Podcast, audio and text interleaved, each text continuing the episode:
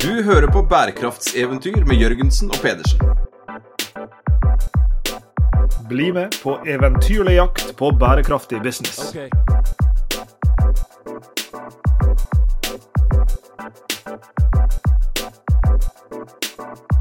I denne episoden av Bærekraftseventyr Sveinung, så eh, skal vi snakke om eh, bl.a. vegetar og vegetarmat. Eh, og vi skal snakke om mye annet, det er jeg helt sikker på. For vi har fått besøk av Hanne Lene Dahlgren. Hun ble nylig kåra til årets influenser på bærekraftsida i, i Vixen Awards.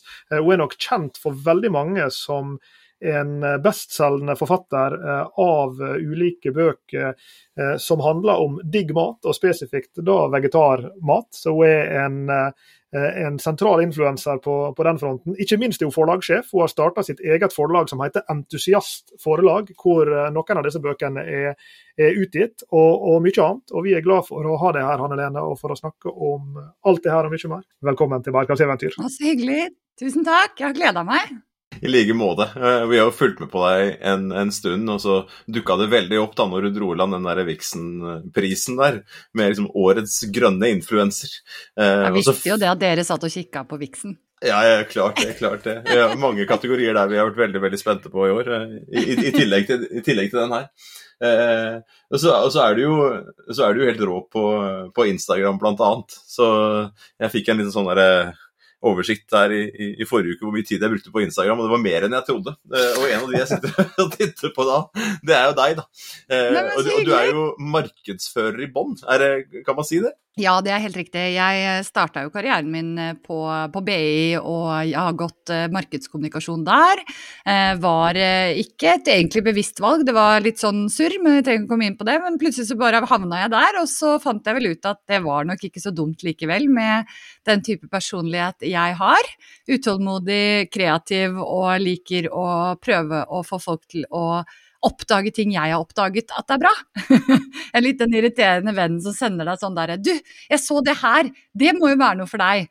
Eh, det er noen som syns det er irriterende, men noen syns det er hyggelig også. Men eh, nei, nei, jeg gjorde det, jeg gikk der, og så um, gikk jeg videre til gründerskolen. Eh, vært i Boston en tur der, eh, og det har vel også lagt litt grunnlaget for at jeg i dag drifter eh, seks selskaper og har litt for mange baller i lufta, kanskje, til min egen syke innimellom. Men ja, en av tingene som, som vi snakka om eh, rundt deg i det siste, Annelen, det var en post, og jeg lurer på om det kan ha vært på, på, Instagram, vi så den, hvor du gjorde noe som vi verdsetter veldig høyt, eh, nemlig at du ba om konkurranse. Hvor er konkurransen hen, eh, var spørsmålet du stilte. Eh, hvorfor er det de som står her og og, og, og, er liksom en ja, Om ikke alene en stemme på dette, så i hvert fall er, er en veldig framtredende stemme på et område hvor det kanskje trengs veldig mange, mange, flere. Men dette kan du artikulere bedre enn meg, så kan ikke du dra der, den konkurranseetterspørselen din her, og, og fortell hva er, du, eh, hva er det du helt konkret etterspør?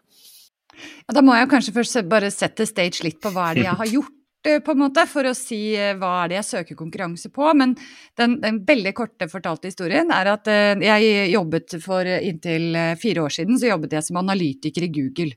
Da prøvde jeg å, eller bortsett fra å gjøre jobben min, da, så, så prøvde jeg også å påvirke kundene våre til å ta litt grønnere valg. Men altså, det var jo da igjen Jeg begynte der for åtte år siden, det var ikke så veldig mye grønne valg å snakke om. Men selv hadde jeg oppdaget at vegetarmat var veldig godt, og jeg skjønte ikke da hvorfor er det vi er så negative til det.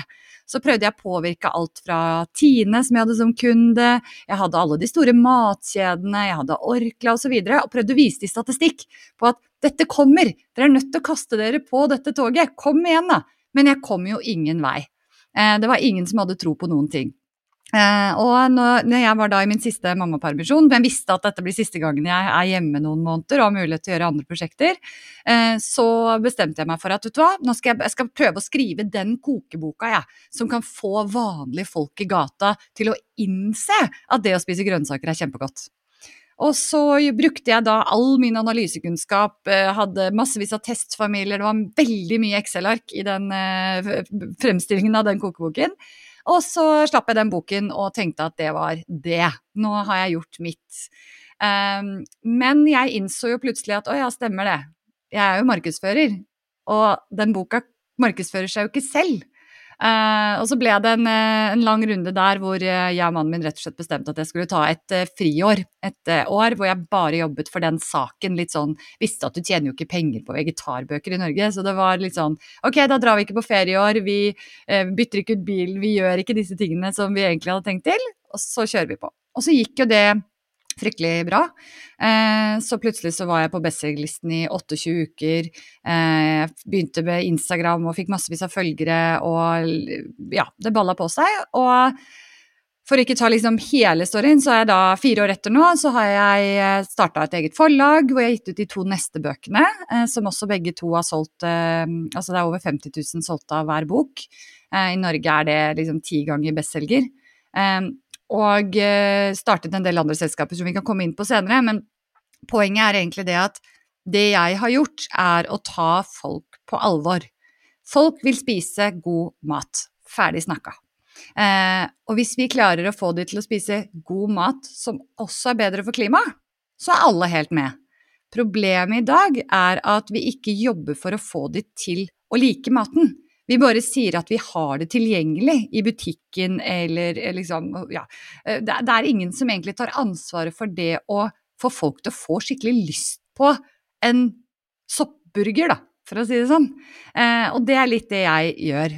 Og det har skapt veldig store resultater som jeg er veldig stolt av. Men, og så kan jeg jo ikke si hvor mange tallerkener jeg har påvirket, men med så mye engasjement og så mye feedback man får, så, så, vet jeg jo at det har en substansiell eh, innflytelse, da.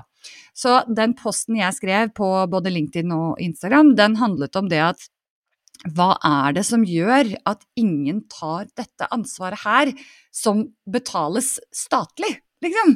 For jeg er jo nødt til å finne kommersielle forretningsmodeller for å kunne klare å bidra med så mye gratis informasjon, så mye inspirasjon, så mye eh, stille opp i alt fra podcaster til eh, Dagsnytt 18, eh, kle av matprat eh, litt på skjermen fordi at de eh, hevder ting som ikke er sant, osv. Og, og det burde jo egentlig ikke jeg og min, mitt salg av bøker være ansvarlig for, hvis det makes sense. Ja. Så det jeg da etterlyste, var hvor er de eh, regulatoriske ansvarsområdene her. Hvem er det som egentlig burde gjort dette? Er det Helsedirektoratet, er det uh, Opplysningskontoret for frukt og grønt, eller hvem er det som har dette ansvaret? Uh, og hvorfor er ikke matbutikkene enda mer på ballen og blir helst egentlig belønnet for å endre kundene sitt kosthold? For det gjør de jo ikke i dag.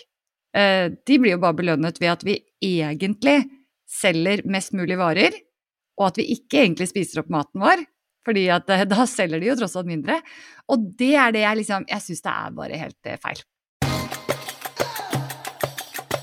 Check it out.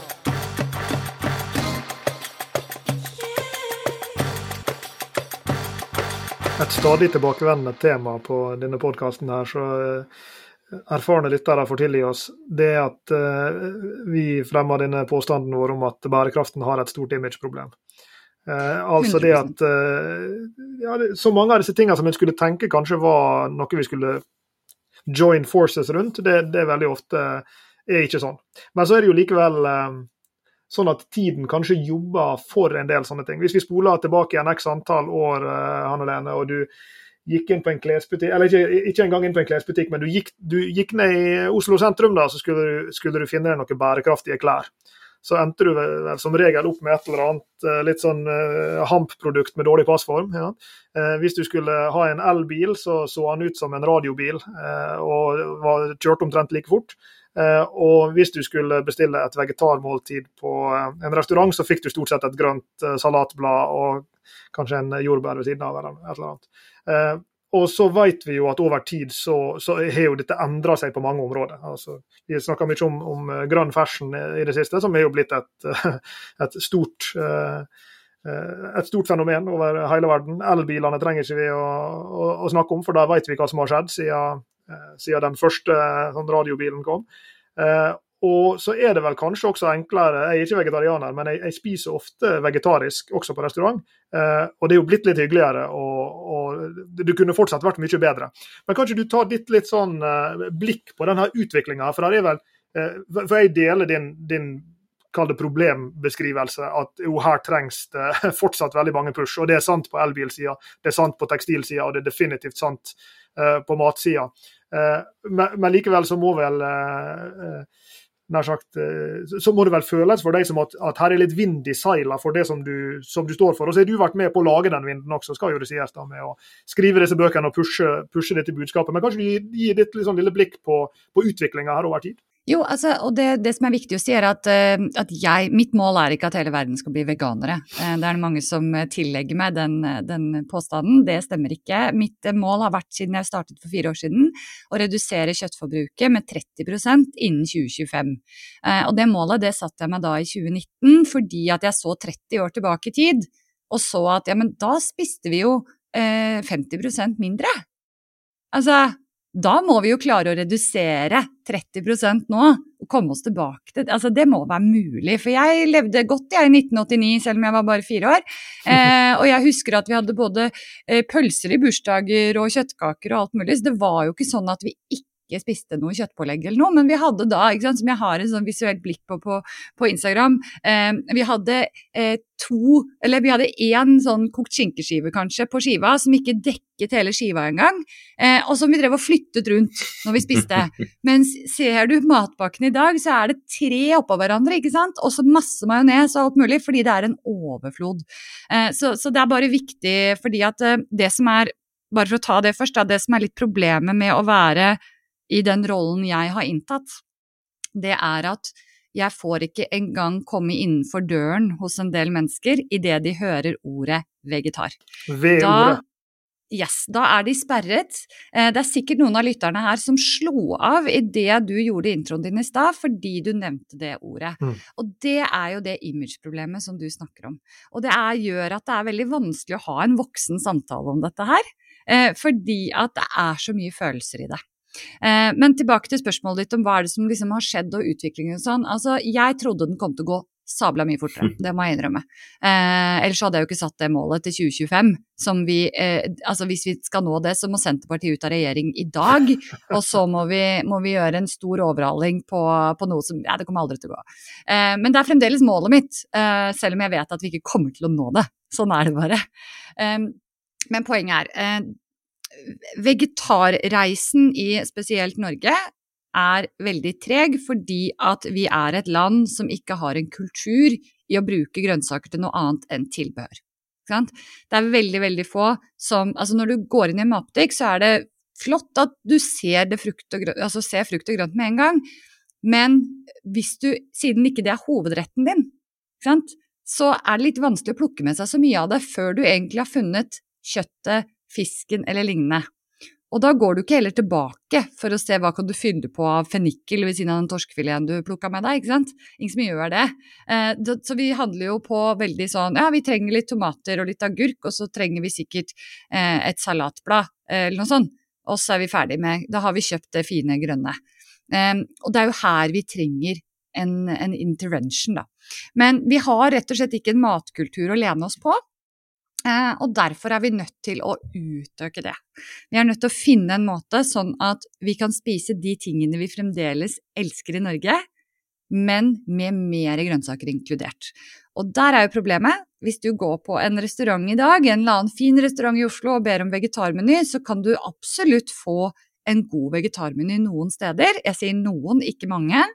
Eh, men da får du sånne ting som helbakt sellerirot med dijon-sennep. Hurra! Ikke sant? Eller så får du eh, blomkålpuré med ristede mm. kapers. Og jeg vet at disse tingene smaker godt, og noen ganger til og med fantastisk, men det vet jo ikke dere. Ikke sant? Eller folk flest. Nei, men du kan snakke til oss. Du kan absolutt snakke til oss. Altså, jeg lever jo i et hus, unnskyld at jeg avbryter deg, men ja, jeg lever i et hus hvor to stykker har tatt et sånt valg med å og går veldig mot grønnsaker, men ikke bare. Altså som en grønnsaksbasert Og det har vi gjort i, i, fem år, helt siden jeg og Lars Jakob kom i sånn gledesrus tilbake fra Brasil. Jeg hadde så lyst til å fortelle de der hjemme hvor enormt mye kjøtt vi hadde spist. for Da satt vi på sånne grillrestauranter, og vi, bare, vi ble proppa full av kjøtt i alle bauger og kanter. Eh, og jeg kom hjem, og det var virkelig sånn, det hadde vært så sterk opplevelse som jeg gledet til å, å, dele, og den fikk jeg veldig lite gehør for. Og da begynte vi å gå over, og det er da du merker den mangelen på kultur og mangelen av konkurranse som du er inne på. Jeg tror det har vært mye mer utvikling på, på, bilsiden for å si det sånn, enn på matsiden. For å gå sammen med disse her folka ut og spise, og, og på den restauranten med den menyen egentlig, og så blir, ender opp med litt sånn, sånn gratinerte grønnsaker, liksom. Og det er jo greit, og du kan si ja, det er jo godt med denne purre ditt og datt, ikke sant, men det er jo en grunn til at særlig i USA, når du kommer og spiser her, så spør du jo først What are your proteins? ikke sant? Hvilke proteiner skal du ha? Og så kommer jo det andre. ikke sant? Så vi er jo vant til å tenke på proteinene. Og når jeg sitter da og, og, og med mitt proteinbehov, og Det er jo et sånt, et sånt kulturelt, men også sånn kunnskapsmessig, for vi spiser jo da veldig mye vegetar her hjemme. Men når jeg regner på fra de der boksene som vi får da, med veldig god mat, for det har vært vår hjelp, altså sånn vegetarbokser som, som kommer, og da får, kan vi lage mange, mye mat som smaker fryktelig godt. Men jeg har fremdeles et problem på den macho-siden macho av meg. Den der behovet for proteiner opp imot hvor mye jeg trener. Det, det får jeg ikke dekka hvis ikke jeg spiser så inni helsike mye av disse linsene og, og, og, kikkertene og de andre tingene som jeg syns er helt greit, men jeg får det ikke til å bli skikkelig digg. altså. Og da mangler Så, så det er ett problem for mitt vedkommende. Et annet er liksom den kunnskapen rundt det. For vi, jeg kan mine kjøttboller og lasagne og ulike typer kjøttretter og fiskeretter og sånne ting. Og jeg klarer å lage det med litt sånn kokebokhjelp, så skal jeg klare det fint. Men i begynnelsen for fem år siden, å begynne å gå ned den veien og lage noe som smaker godt Og for meg så er kjøttkaker i brun saus såpass godt pga. kjøttkakene, så jeg kan ikke bytte det ut med sånn farse, grønnsaksfarsekjøttkaker, så er det like godt. liksom. Så jeg må lage noe helt annet. Så at du trenger konkurranse, og at vi trenger mer kunnskap om dette her. Og at restauranter, sånn som du sier, da. Hvor er kokkene, hvor er dagligvareforretningene, hvor er uh, disse, disse, her statlige matpratvariantene som bare sier vet du hva, OK, vi kan løse dette problemet, liksom. Sveinung, du skal få nok eh, proteiner, uh, og du skal slippe å spise linser hver dag. Ja, og det, skal, og det, kommer til å smake deg bedre, mm. er jo hele greia. For det er det jeg hele tiden jobber for. Så det jeg ikke nevnte i stad, eller jeg nevnte at jeg hadde testfamilier, men måten jeg jobbet på det på, da, det er jo eh, at jeg i den første boken da, så hadde jeg 50, og så i løpet av de tre bøkene så har jeg hatt over 1200 testfamilier. Unike familier som har vært med å utvikle hver eneste rett. Jeg er ikke kokk, men jeg lager jo da Så la oss si da, eh, en rett vi lagde i går, den heter vinnerlasagne. Den er utrolig populær, eh, og spesielt blant kjøttetere, fordi kjøttetere, men kjøttelskere. Eh, rett og slett fordi at den har masse umami, og det er jo den smaken som vi ikke klarer helt å sette fingeren på hva er, som gjør at kjøttet smaker så godt. Men denne her har det likevel.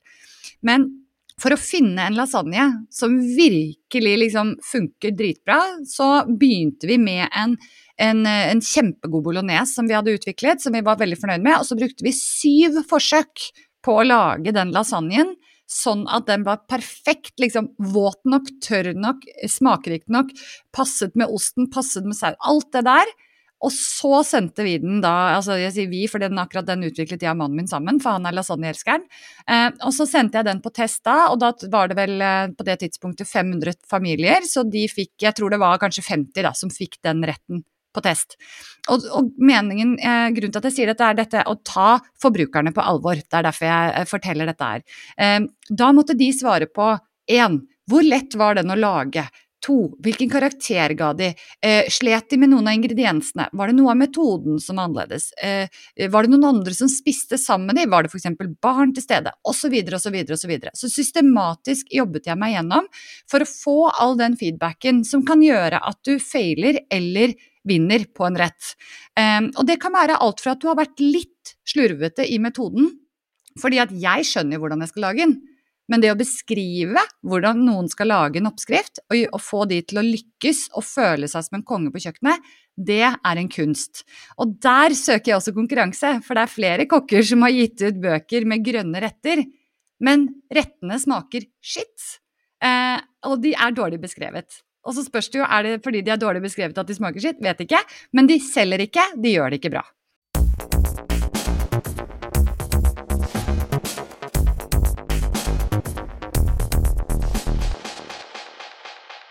Det er jo noe annet her i det som, som du sier. og Nå har du brakt opp et ord til som i tillegg til konkurranse får oss eh, økonomer til å bli glad i hjertet, og det var jo ordet eksperimentering. Og Jeg liker jo denne litt sånn eksperimenteringstilnærminga her. og Jeg går ut ifra med en bakgrunn i Google, så har du vært vant til å tenke i de tarmene verdien av, eh, av, av å tilnærme seg disse tingene eksperimentelt.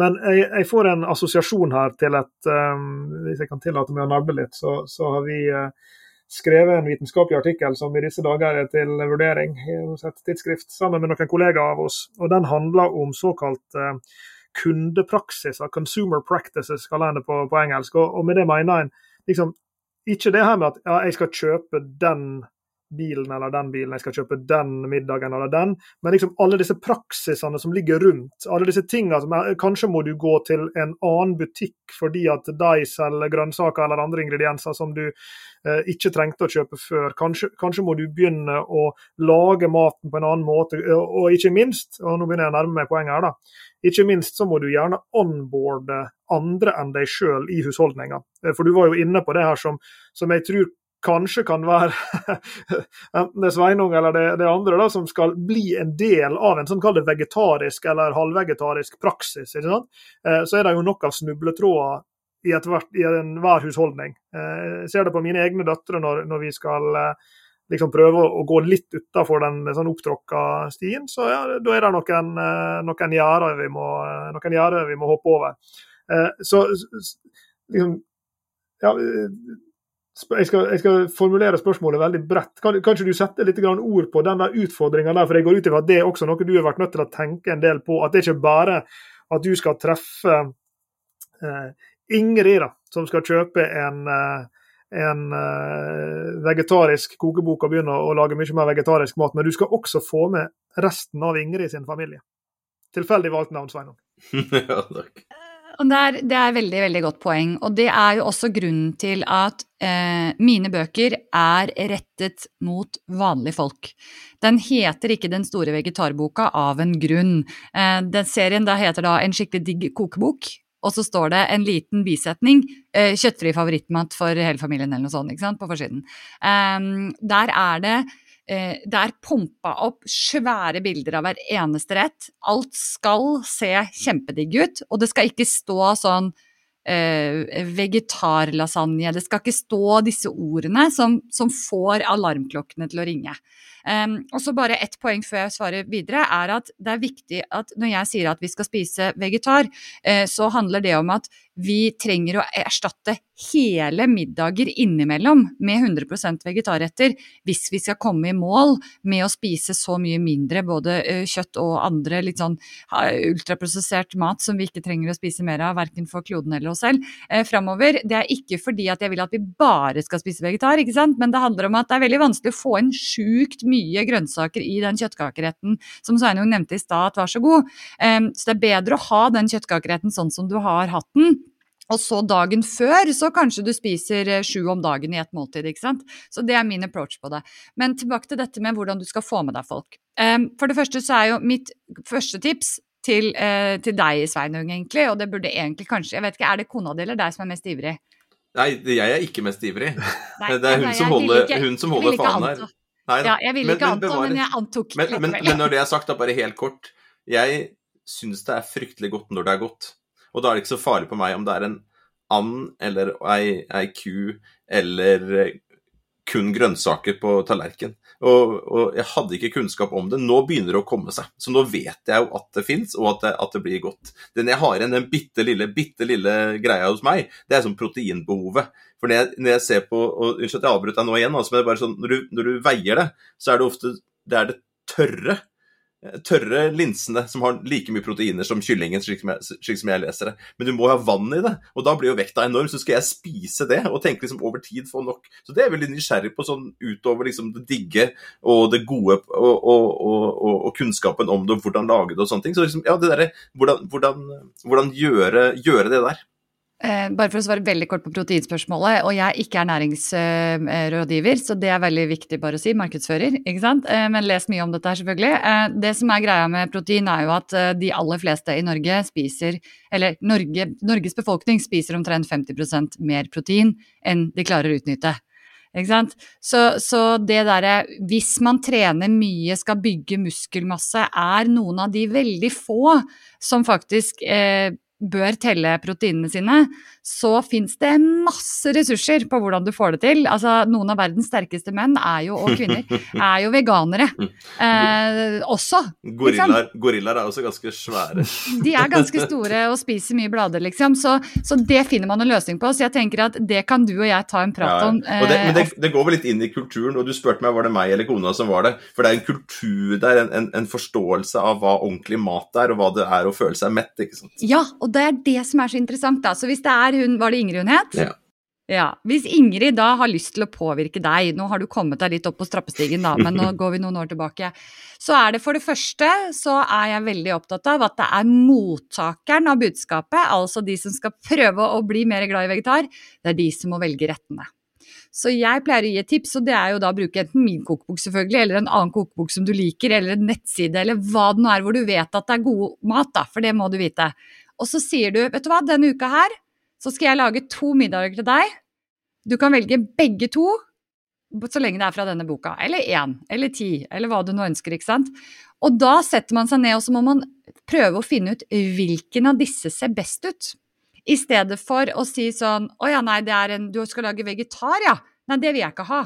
Så er du, det er det samme psykologien som det er med barn. ikke sant? Skal du sånn Ja, vil du ha det eller det på brødskiva? Å, får jeg lov til å velge? Ja, men da tar jeg det.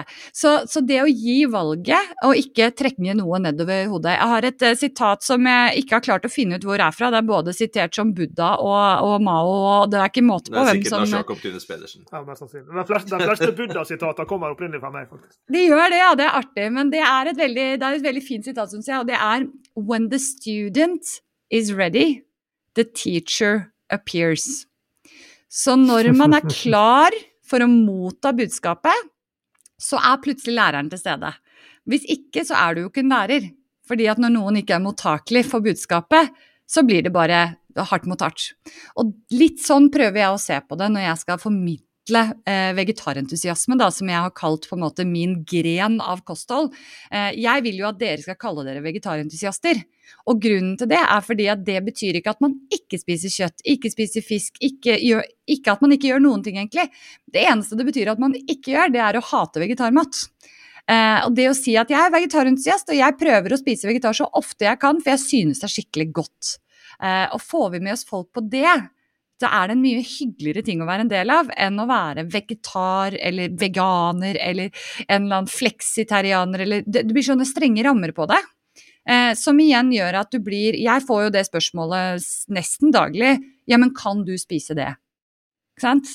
Og så sier jeg jeg kan spise hva jeg vil, jeg. Jeg kan spise alt. Jeg spiser innimellom noe godteri med litt gelatin i. Det er jo svin, ikke sant? Så egentlig så er jo ikke det vegetar. Eh, jeg kan spise noe skalldyr innimellom, ikke sant. Men jeg vil ikke at det jeg velger å gjøre, er noe andre skal følge et regelsett for å gjøre. Eh, her handler det om at alle må øke sitt grønnsaksinntak. Det sier kostrådene, det sier Helsedirektoratet, det sier regjeringen, det sier FN, det sier Klimakur Altså det er ingen som er uenig i det, bortsett fra noen veldig få mennesker som spiser kun kjøtt, og de heter carnivores. Og der har det gått ei kule varmt, eh, syns jeg. Det kan vi ta en annen dag. Men, men det er så viktig bare at vi, at vi ikke ser på dette som en sånn med eller ikke med-greie. Eh, og det er det jeg prøver å jobbe for, da. Så, så ekte, på en måte Jeg pleier å si sånn ekte eh, grønn vekst for meg, da. Det er at du har en akse som heter ha det bra-aksen, altså well-being-aksen, ikke sant. Og så at vi bruker mindre ressurser på, i en omvendt proporsjonal eh, ligning, da, ikke sant. Hvor du da Ok, hvordan er det vi kan spise bedre og bedre og bedre mat, men færre og færre og færre ressurser av jorden for å oppnå det. Og så ligger det jo helseaspekt inni der, og det ligger en del andre ikke sant? Vi skal jo ha folk som produserer maten, og de skal ha lønn og sånn, så det er mange ting. Men det viktigste å finne ut nå, det er hvordan får vi kostrådene, faktisk, til å smake og oppleve så digge at folk begynner å følge de. For vet dere hvor mange som følger kostrådene i Norge i dag? Er det noen? 1 Ja, ikke sant. Jeg traff. Mm. Ja, det er 1% som klarer det, og det, Mm. de tror jeg bare skryter på seg. Mm. Eh, det er fryktelig vanskelig å følge kostrådene med det setupet samfunnet vårt har. Eh, for det hjelper ikke å ha vegetarpølse tilgjengelig på bensinstasjonen når vegetarpølse stort sett er et ganske dårlig helsemessig produkt. ikke sant? Fordi at de som er interessert i å spise vegetarpølser, er ofte også litt mer interessert i helsa si. Og da ruller ikke det, og det gjør egentlig ingenting annet enn at jo, du får ned CO2-utslippet. Det skal vi si at det gjør. Og så vet vi at det er kreftfremkallende å spise rødt prosessert kjøtt. Men vi vet også at det ikke er bra å spise ultraprosesserte vegetarprodukter. Så liksom, der, der, er det så mye, og det er der diskusjonen ligger, ikke sant. Det er der jeg sitter med Hoksrud på Dagsnytt 18 og diskuterer. Og det er ikke der løsningen ligger.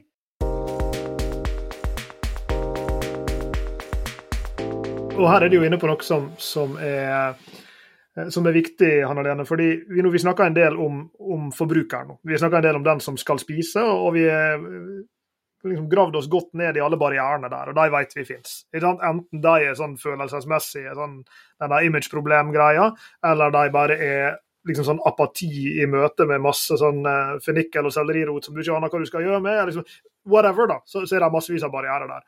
Uh, men så kommer du nå inn på, på en annen viktig uh, en annen viktig interessent i dette bildet. Du var inne på politikerne i stad. Kanskje vi kommer tilbake igjen til dem. Det er åpenbart at her ligger noen regulatoriske eh, beskrankninger her. Og det, det er åpenbart at, at liksom vi, er, vi, er, i en viss forstand investert i altså Det kan være alt fra jordbruket som, som eh, har vært sånn som det har vært, og der er sterke krefter som ønsker at det skal fortsette å være sånn. Eh, men jeg tenker på liksom businessperspektivet her. Og eh, når du, når du sa vegetarpølse, så gikk vandra tankene mine til Ikea, hvor jeg, jeg ser at disse veganske pølsene blir tilsynelatende mer og mer pusha fram.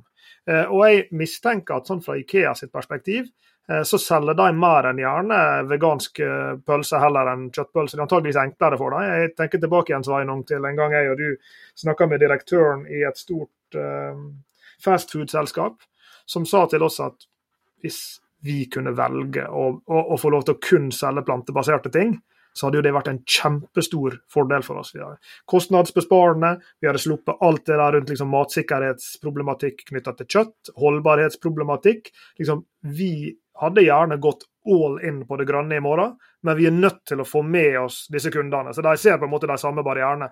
Og, og sånn Økonomen i meg da, ser på et næringsliv og tenker liksom jøss, skulle jo på en måte tro altså Jeg forstår at Nortura ikke står fremst i køa, jeg har lyst på en plantebasert uh, dietten, liksom, men, men, sånn i det store, da. Ikeaene og, og fastfood-kjedene og veldig mange av disse her skulle tenke at på mange måter var fordelaktig for dem å pushe oss i retning av det her. At det både kunne vært kostnadsbesparende uh, for dem, og på andre måter uh, fordelaktig. Jeg vet at du har vært involvert bl.a. med Meny som en, en partner i å, i å Eh, og Der er det sikkert krefter i, i Meny som, som, ønsker å gå i den retninga, og sikkert krefter som, som, holder igjen, kan jeg forestille meg, som i de fleste store eh, virksomheter.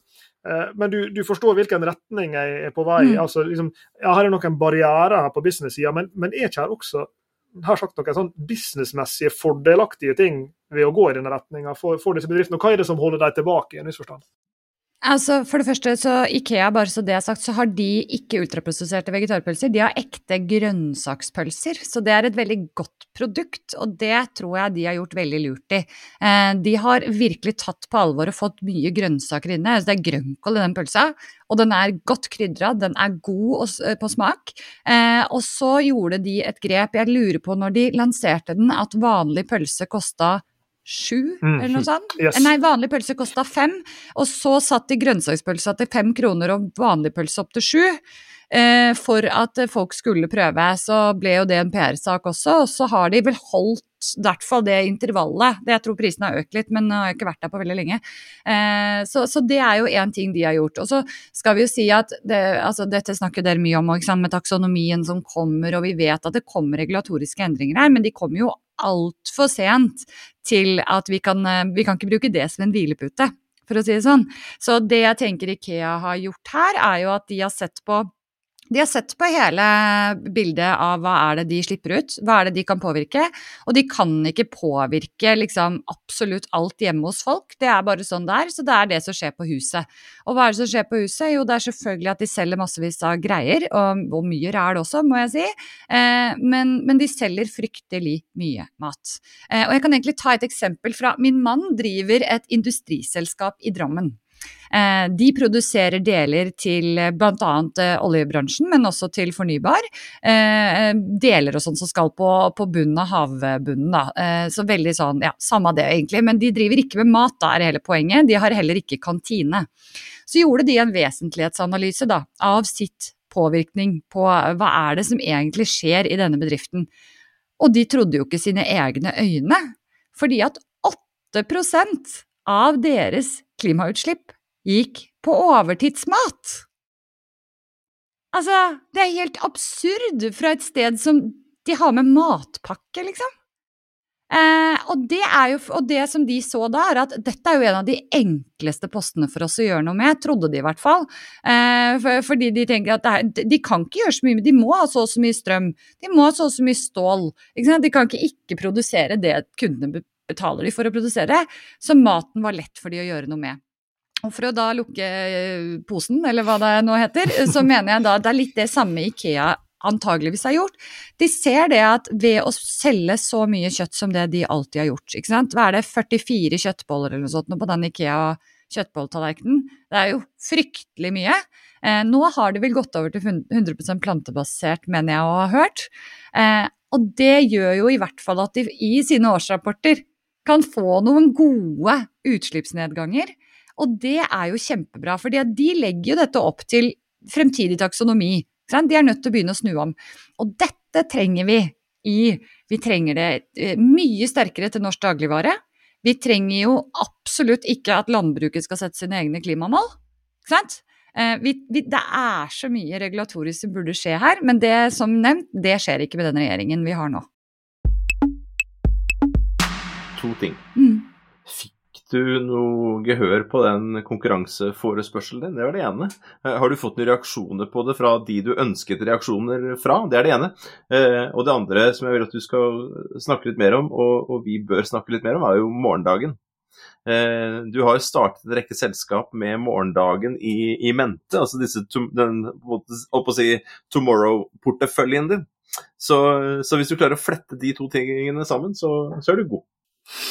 Eh, vi får se. Nei, altså eh, gehør og gehør. Jeg, jeg fikk mye um, heiarop, eh, og veldig mange som fortalte hva de gjorde bra selv.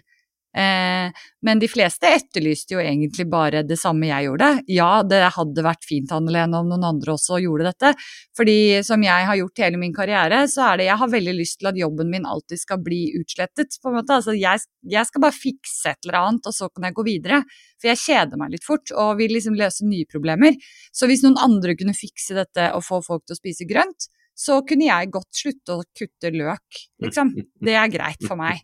Eh, så, så, så, det hadde vært veldig fint. Og det går litt tilbake til at jeg har et sånn eh, jeg, jeg, prøver å ha et mantra om at jeg skal være mitt eget forbilde i alle valgene jeg gjør, og da kommer jeg over til Tomorrow-gjengen også. Um, fordi det er ikke noe tvil om at når du havner inn i denne influenserdelen av jobben, som jeg har vært nødt til å bruke Jeg tenkte jo ikke på det engang da jeg skrev den boka at jeg var nødt til å bli influenser. For det var jo ikke noen vegetarinfluensere da. Og jeg er jo bare en småbarnsmor fra Lier, liksom. Eh, men når jeg kom inn i den bransjen, så begynte jeg å skjønne å fy søren, her er det så mye makt. Altså her er det Her pusher vi altså så mye forbruk uten at det blir betalt for det engang. Fordi at influensere lever jo av å være interessante mennesker. Egentlig det er det som er greia. Du skal være interessant på en eller annen måte. Og ved å være interessant enten via klær, mat, bare det at du er litt sånn sprø, og om du ligger rundt på Paradise Hotel eller Altså det er så innmari mange grener. Og så vet jo dere også at det har kommet veldig mye bra influensere etter hvert. Men syns du ikke det var noe dårlig det du sa i stad? Nei. Nei. Det er, det er bare, bare Har du litt lyst til å bli influenser, Svein? Nei, altså, det er Paradise jeg tenkte på, men jeg, jeg, bare, tøff, jeg bare tøffer meg. Unnskyld. Ja, jeg jobba i TV3 tidligere, og jeg, jeg eh, syns jo det var veldig gøy. Jeg drev som analytiker der før Google, eh, og det var kjempegøy å analysere seertallene til Paradise Hotel og hvordan de gikk i forhold til hva som skjedde. Eh, men det er en annen historie. Eh, nei, så det jeg på en måte så da, og det, det ene eksempelet som jeg husker sterkt sterkest, når jeg skjønte hvilken bransje jeg hadde havnet inn i, det var når det var en, en veldig stor norsk influenser som egentlig bare hadde en vanlig fest hjemme. Eh, og som hun da tok eh, bilder, og, og, det var sikkert noen som tok bilder for henne, for hun var i front av alle kameraene nesten. Eh, og da kalte hun det noe sånn engangskamerafest. Og dette er jo bare to-tre år siden. Så engangskamera var jo ikke akkurat liksom, nymotens. Eh, men da hadde hun da kjøpt inn engangskameraer til absolutt alle gjestene. Og så var det egentlig bare en sånn ta gamle bilder-fest. Og så publiserte hun i etterkant at dette var veldig kult. Og det første jeg tenkte var å, det er så gøy ut! Herregud, så gøy med sånne polaroid-greier. Og nei, det var artig! Og så bare innså jeg fy søren, denne har liksom flere hundre tusen følgere. Ikke sant? Så så jeg for meg et sånn berg av engangskamerasøppel som den ene posten førte til. Uten at det var noe Kodak-samarbeid, for å si det sånn. Det var bare skape innhold og være litt sånn interessant, da. Og så tenkte jeg at jeg tror det mennesket er et godt menneske som ikke mener å forsøple verden. Men det mennesket gjør det likevel. Hvorfor det? Og da begynte jeg å tenke ok, hvordan kan vi få med oss folk som har et interessant liv, en stor stemme, eh, til å bruke den stemmen til å pushe det grønne skiftet litt større, uten at de mister sine følgere. For der er balansegangen. Eh, og det er nå Ja, det er drøyt år siden. Så startet da jeg og en, eh, en manager som heter Nicolai Mathisen, som tidligere har jobbet som vanlig manager, eh, og som jeg overtalte til å bli en grønn manager. Eh, og som han sa til meg her om dagen Altså, Anne Lene, for et år siden så visste ikke jeg hvem fremtiden i våre hender var. Um, men det var veldig viktig for meg, fordi jeg trengte en som hadde et kommersielt uh, velfungerende hode, og som kunne bransjen. Uh, og så skulle vi sette en helt ny standard for influensermarketing i Norge. Så det vi har gjort, er egentlig at vi har laget et management. Alle influensere av en viss størrelse har managere. Eh, det er noe som veldig mange ikke vet, men det er akkurat som fotballklubber. Eh, så alle har managere, og de forhandler avtaler på vegne av profilene. De passer på merkevaren deres, de sier hvilke intervjuer de skal gjøre, hvilke podcaster som er smart for profilen å stille opp i, osv., osv., osv. Og så begynte vi å snakke med noen influensere, og eh, idet de fikk høre om hva vi ville gjøre, så hoppet alle i taket og var sånn Yes, jeg vil være med på det grønne skiftet, jeg bare vet ikke hvordan. For jeg skjønner ikke hvordan jeg skal tjene penger. Eh, og så lovte vi at vi skulle fikse det, da. For vi var overbevist om at det finnes massevis av annonsører der ute som har gode ting å si. Eh, som ikke i dag kanskje bruker influencer marketing så mye, men som burde gjøre det. Og litt statistikk, da, siden dette er en nerdepod og jeg er en nerd og dere er nerder, eh, så er det jo faktisk sånn dette er, dette er, en research som er fra Bloomberg, jeg kan eh, sende til dere hvis dere vil etterpå, eh, som handler om hvor, eh, hvor mye man stoler på influensere. Eh, og da er det gjort en undersøkelse blant de som da følger en influenser, ikke bare sånn generelt. Men hvis folk f.eks. følger meg, da, at det var meg eksempelet var for, så viser da statistikk at millennials og eh, Gen Z, altså de som er yngre enn 40 Nei, millennials er vel enda litt eldre nå. Ja, samme det. Eh, de unge, sier vi. Eh, de stoler altså mer på råd fra influenseren de følger, enn sin beste venn og familie. Det er ganske sykt. Når man er gammel markedsfører, eh, blir 38 år på fredag, eh, så vet jeg hvor viktig word of mouth er. ikke sant? Og alle steder jeg har jobbet noensinne, så har det jo vært Altså, klarer du å skape word of mouth, så er det gull. Influencer marketing er word of mouth. Fordi at der sitter Når jeg holder opp et produkt, så er det som at bestevenninna di holder det opp og sier at dette er bra. Og det er kraften i influensere når man bruker det på riktig måte. Og det er dessverre da også veldig veldig ofte at det brukes på feil måte, fordi at det er den eneste forretningsmodellen som finnes for influensere i dag. Så vi prøver nå å skape, og vi har gjort det veldig bra hittil. Vi, har, vi starta i februar i fjor, vi har 22 eh, influensere hos oss nå. Um, omsatte for rundt ja, nesten 10 millioner i fjor. Eh, hvor vi da forhandler disse avtalene. Vi har kundelister som ser helt annerledes ut enn de andre managementene. Eh, og så har vi da, for å på en måte klare å sette et slags benchmark, så har vi vært nødt til å utvikle et sett av standarder som ikke finnes i bransjen. Jeg pleier å sammenligne det med at la oss si, hvis vi skulle hatt virkelig impact i reklamemarkedet i Norge, da burde TV 2 ha bestemt seg for hvilke reklamer som fikk lov til å spille på deres eh, TV-kanaler, og ikke. Det er litt perspektivet. Hvis Elkjøp ikke fikk lov til å vise fram den 108K-TV-en sin på tilbud, eh, som bruker så mye strøm at i hvert øyeblikk er forbudt i EU, eh, på, på TV 2 mellom hver gang vi møtes-pausen, bare fordi de legger penger på bordet, så ville det blitt mindre konsum av den TV-en. Ikke sant? Og eh, flere av våre influensere har jo mer seere enn mange av TV 2s programmer. Eh, så det er den kraften vi egentlig nå jobber med, og det er det vi prøver å sette disse standardene for. Så eksempel på standardene, da, så skal jeg slutte å uh, gå i detaljer, men det, det, er ofte disse spørsmålene jeg får. Eh, hvis vi f.eks. ser på matbransjen, som er en stor del av vårt portefølje av kunder, uh, så reklamerer ingen av våre profiler noen gang for rødt kjøtt, med mindre det er dyrevernsmerka. Og dyrevernsmerka er det veldig lite kjøtt i Norge som er. Man kan finne det på dyrevern.no, der ser man hvilke produsenter osv. Så, videre. så vi har liksom valgt en ekstern kvalitetssikring av våre standarder, for vi kan ikke gå inn i hvert eneste case og finne ut av dette selv. Så har du blitt grønnmerka der, check, da kan vi jobbe med deg. Og så må man finne ut om profilen skal gjøre det, selvfølgelig i etterkant. Eh, når det gjelder klær, så er det litt vanskeligere. Der jobber vi med standarder nå, men der er det mye på at vi gjør aldri fast fashion, f.eks. Eh, du må ha eh, naturmaterialer som det går an å reparere, det kan ikke være paljetter og plast. Altså det er mye sånne ting. Og så, så, gjør vi det for hver eneste bransje som, som snakker med oss, da. Og f.eks. For forbrukslån er selvfølgelig 100% nei. Ikke sant? Eh, selv om de største forbrukslånplayerne nå prøver å overtale oss til at det er veldig bra å få samlet alle forbrukslånene i ett forbrukslån for alle vi, ja, Nei, skal ikke begynne der. Nei, så det vi gjør er jo egentlig å Vi prøver å, å sette nye standarder som ikke bare gjelder vårt byrå, men som skal inspirere hele bransjen til å ta litt ansvar. Fordi jeg tenk hvis TV 2 hadde gjort det.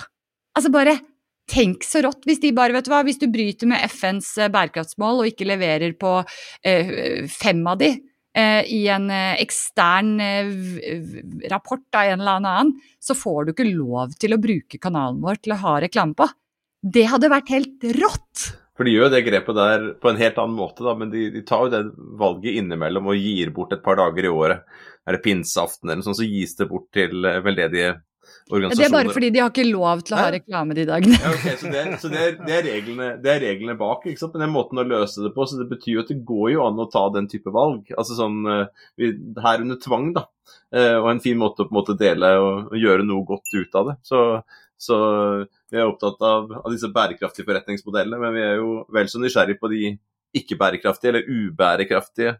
Og, og media er jo én der nettopp fordi at de skriver om alle disse reisene vi får så lyst til å, å dra på. De, de, de, reklamerer og de, de Ja, det, det, det, er et stort, eh, stort potensial. Og der eh, antar jeg med din beskrivelse av influensermarkedet og forretningsmodellene, at det er et stort fotavtrykk også. Altså, det er et eksisterende stort fotavtrykk, og potensialet er også veldig stort for å gjøre noe godt ut av det.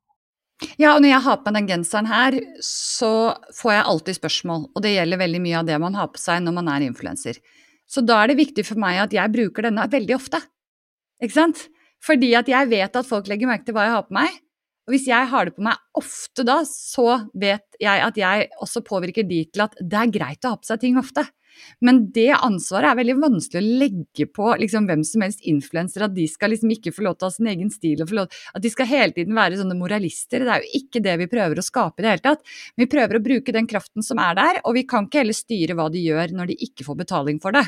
Det, da må man jo få lov til å bruke kanalen sin til det man vil, men vi styrer i hvert fall det som man får betaling for, og prøver å rettlede det inn på noe som verden trenger i morgen. og Derfor vi heter også Team Tomorrow. Eh, og så er det jo da to andre selskaper som du nevnte, som vi har startet i år. For nå har vi fått med oss Louise Fuchs, som er tidligere bærekraftsjef i Oda og vært kommunikasjonssjef i Skipsted osv., som partner inn med meg og Nikolai. Så vi har startet et forlag til, så nå driver jeg to forlag. Eh, og Det heter Stories of Tomorrow, og det handler om å eh, gi ut bøker og eventuelle liksom, andre historier på andre måter, eh, som er de vi trenger å høre i morgen. Så der skal vi også gjøre det samme, at vi setter standarden på at vi skal ikke gi ut noe som ikke får verden framover på et eller annet område som er viktig. Eh, så kan jeg dessverre ikke si noe om første tittel ennå, men det kommer snart. Eh, og så eh, har vi også startet Tomorrow Works, som da er et konsulentselskap.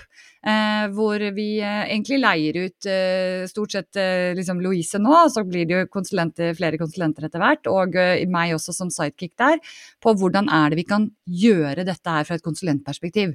Hva er det vi må gjøre, hva slags analyser bør vi gjøre, hvordan, vi kan gjøre vesentlighetsanalyser, vi kan gjøre alt det der. og det handler jo om at vi er borti så veldig mange kunder som trenger alt dette her. Eh, så derfor så har vi startet et lite, ja, et lite konglomerat, eller hva det jeg vet ikke søren hva det heter. Men eh, jeg er i hvert fall styreleder i holdingselskapet og prøver å holde i alle trådene nå.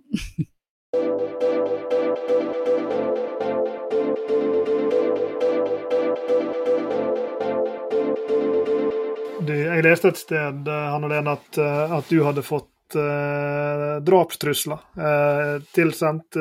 Slik, slik, går det når du snakker om vegetarmat, når du har the nerve til å snakke om vegetarmat høyt ute blant folk. Jeg og Sveinung har ikke fått noen drapstrusler ennå, men vi får mange, eller ikke mange. Men innimellom så får vi sinte e-poster. Men de kommer ofte fra motsatt ende av, uh, av skogen, på et vis. Altså når Altså, de kommer som regel hvis vi har lefler med noe som er for, som oppfattes som for lite rent til å være bærekraftsstoff. Jeg husker en gang vi hadde skrevet en, en en DN-kronikk som heter noe sånt som 'bærekraft må bli big business', eller noe i den duren, hvor vi argumenterte med en sånn big business-tilnærming til, til, bærekraft, og at det var det som skulle redde oss. Eh, det var det enkelte som eh, hadde synspunkt på. Eh, og, og, nå senest eh, forrige uke så eh, skrev vi en kronikk som, hvor vi tok til orde for at bærekraftsfeltet trenger mer populisme. At vi, må, at vi taper på, i en viss forstand kampen om historien. og Det er jo det du er, det du er inne på her. Og, og, og, Derfor er det litt sånn musikk i våre ører, Sveinung. det her med med, med, det å liksom ta utgangspunkt i slik verden faktisk er. Altså, Verden er faktisk slik at det er mange mektige influensere der ute, både nasjonalt og, globalt. Verden er faktisk slik at folk kjøper klær, eh, kjøper biler, bor i hus, reiser på ferie osv. Og da blir et første sånn forbedringsspørsmål for å dra oss fra disse ubærekraftige forretningsmodellene som er dypt institusjonalisert rundt oss i alle bransjer, mm. til noe som er grønnere, må jo da være å si ok, hvordan spiller vi på de strengene som eh, instrumentet har per i dag, eh, for å ja, lage nye melodier. Nå skal jeg slutte med den metaforen, der, for den var ikke på vei noe sted. Men, men, eh, men jeg bare tenker på den her, eh, Dette er jo på, i en viss forstand makroperspektivet på, på, det som vi begynte med i liksom, det å, å, få vegetar inn i husholdninger. Da. det å, fortelle de nye historiene, vise fram de nye mulighetene, endre fra en praksis som er sånn han er fordi han er sånn han har vært. Fordi det er det det har blitt lagt til rette for, osv. Det skulle sikkert vært på vei mot et spørsmål, det her, men gudene må vite at mange av mine spørsmål ender opp eh, som et eller annet.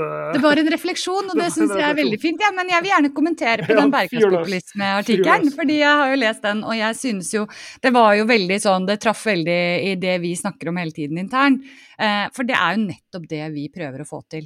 Altså, hvis du gjør bærekraft populært, hva skjer da? Jo, det skjer noe.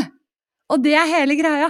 Eh, så jeg også får jo kjeft, ikke sant. Jeg får kjeft over at jeg ikke er eh, vegansk nok, eller at jeg bor i for stort hus. Eh, dere skal se jeg ble hengt ut når jeg var på Kreta i fjor sommer. Altså det var, det var, nesten cancellation, altså, i enkelte grupper. Hvor jeg ble hengt ut med navn og bilde og liksom Hva synes du om at bærekraftinfluensere drar til Syden? Eh, og da la jeg ut en post Du drar dratt et sted der det regna, Hanne Lene. Kunne kommet til Bergen. ikke sant? Jeg var, har vært i Bergen nå, da tar jeg tog. Ikke sant? Eh, og det er jo litt av greia. Altså, jeg er, nå har jeg jobbet med dette her i fire år, og, og jeg har vært igjennom en reise selv også. Fra å prøve å være så perfekt jeg bare kan, eh, til å skjønne at det går ikke. Verden er ikke perfekt nok til at du kan leve perfekt bærekraftig uten å melde deg ut av det samfunnet du er en del av. Og hvis jeg skal påvirke andre mennesker, så er jeg nødt til å være en del av det samfunnet de lever i. Så det betyr ikke at jeg må reise til Syden, for all del. Det er en ting jeg gjør mot hva jeg egentlig tenker at vi trenger å gjøre. Eh, men jeg syns det er så viktig at vi slutter å shame. Eh, og jeg har gjort mye innhold på det som får veldig god eh, feedback, senest nå i helgen. Litt den derre Å ja, men kjører du elbil? Ja, da spiser du vel ikke rødt kjøtt, da? Og da syr du vel egne klær, da? Ja, og da har du vel bergvarme, da? Altså, hæ? Er ikke Ja, men går det ikke an å si 'så fint at du kjører elbil', da? Eh, liksom, Skal du være med hjem og spise lasagne, og så kan du tilby en vegetarlasagne? Vi må slutte å forvente liksom perfeksjon. Eh, og det å bli talt, eh, kalt dobbeltmoralist, det vet jeg ikke hvor mange ganger jeg har blitt gjort, men eh, altså, dobbeltmoral er pakke meg bedre enn ingen moral. Og det står jeg for. Fordi at hvis ikke vi gjør noe, så kommer vi ingen vei. Uh, så jeg, ja, jeg elsker Det er vel neste, neste, neste kronikken, da blir vel vi trenger mer dobbelt Dobbeltmoral er bedre enn ingen moral. Jeg kan være med og signere på den. Ja, fantastisk. fantastisk. Du, eh, Hanne Lene, eh, veldig interessant å høre på deg. Artig å prate med deg. Gøy å følge deg i ulike, ulike medier. Vi har fått eh, mye å tenke på her, og vi skal fortsette å tenke. Og det kan jo hende at vi plukker opp igjen en tråd en annen gang og, og hører litt på, på, hvordan det har gått med både det eksisterende prosjektet og, og det nye. Tusen takk for at du tok deg tid til å, å være med oss i dag. Takk for dere. Tusen takk. Du har hørt på Bærekraftseventyr med Jørgensen og Pedersen. Send e-post til eventyr.krøllalfa.jorgensenpedersen.no for å stille spørsmål eller komme med forslag til tema for fremtidige episoder. Og besøk jorgensenpedersen.no for mer informasjon om denne podkastserien. Okay. Derfra kan du også fortsette samtalen med oss i sosiale medier på Twitter, Facebook, LinkedIn, YouTube og andre steder.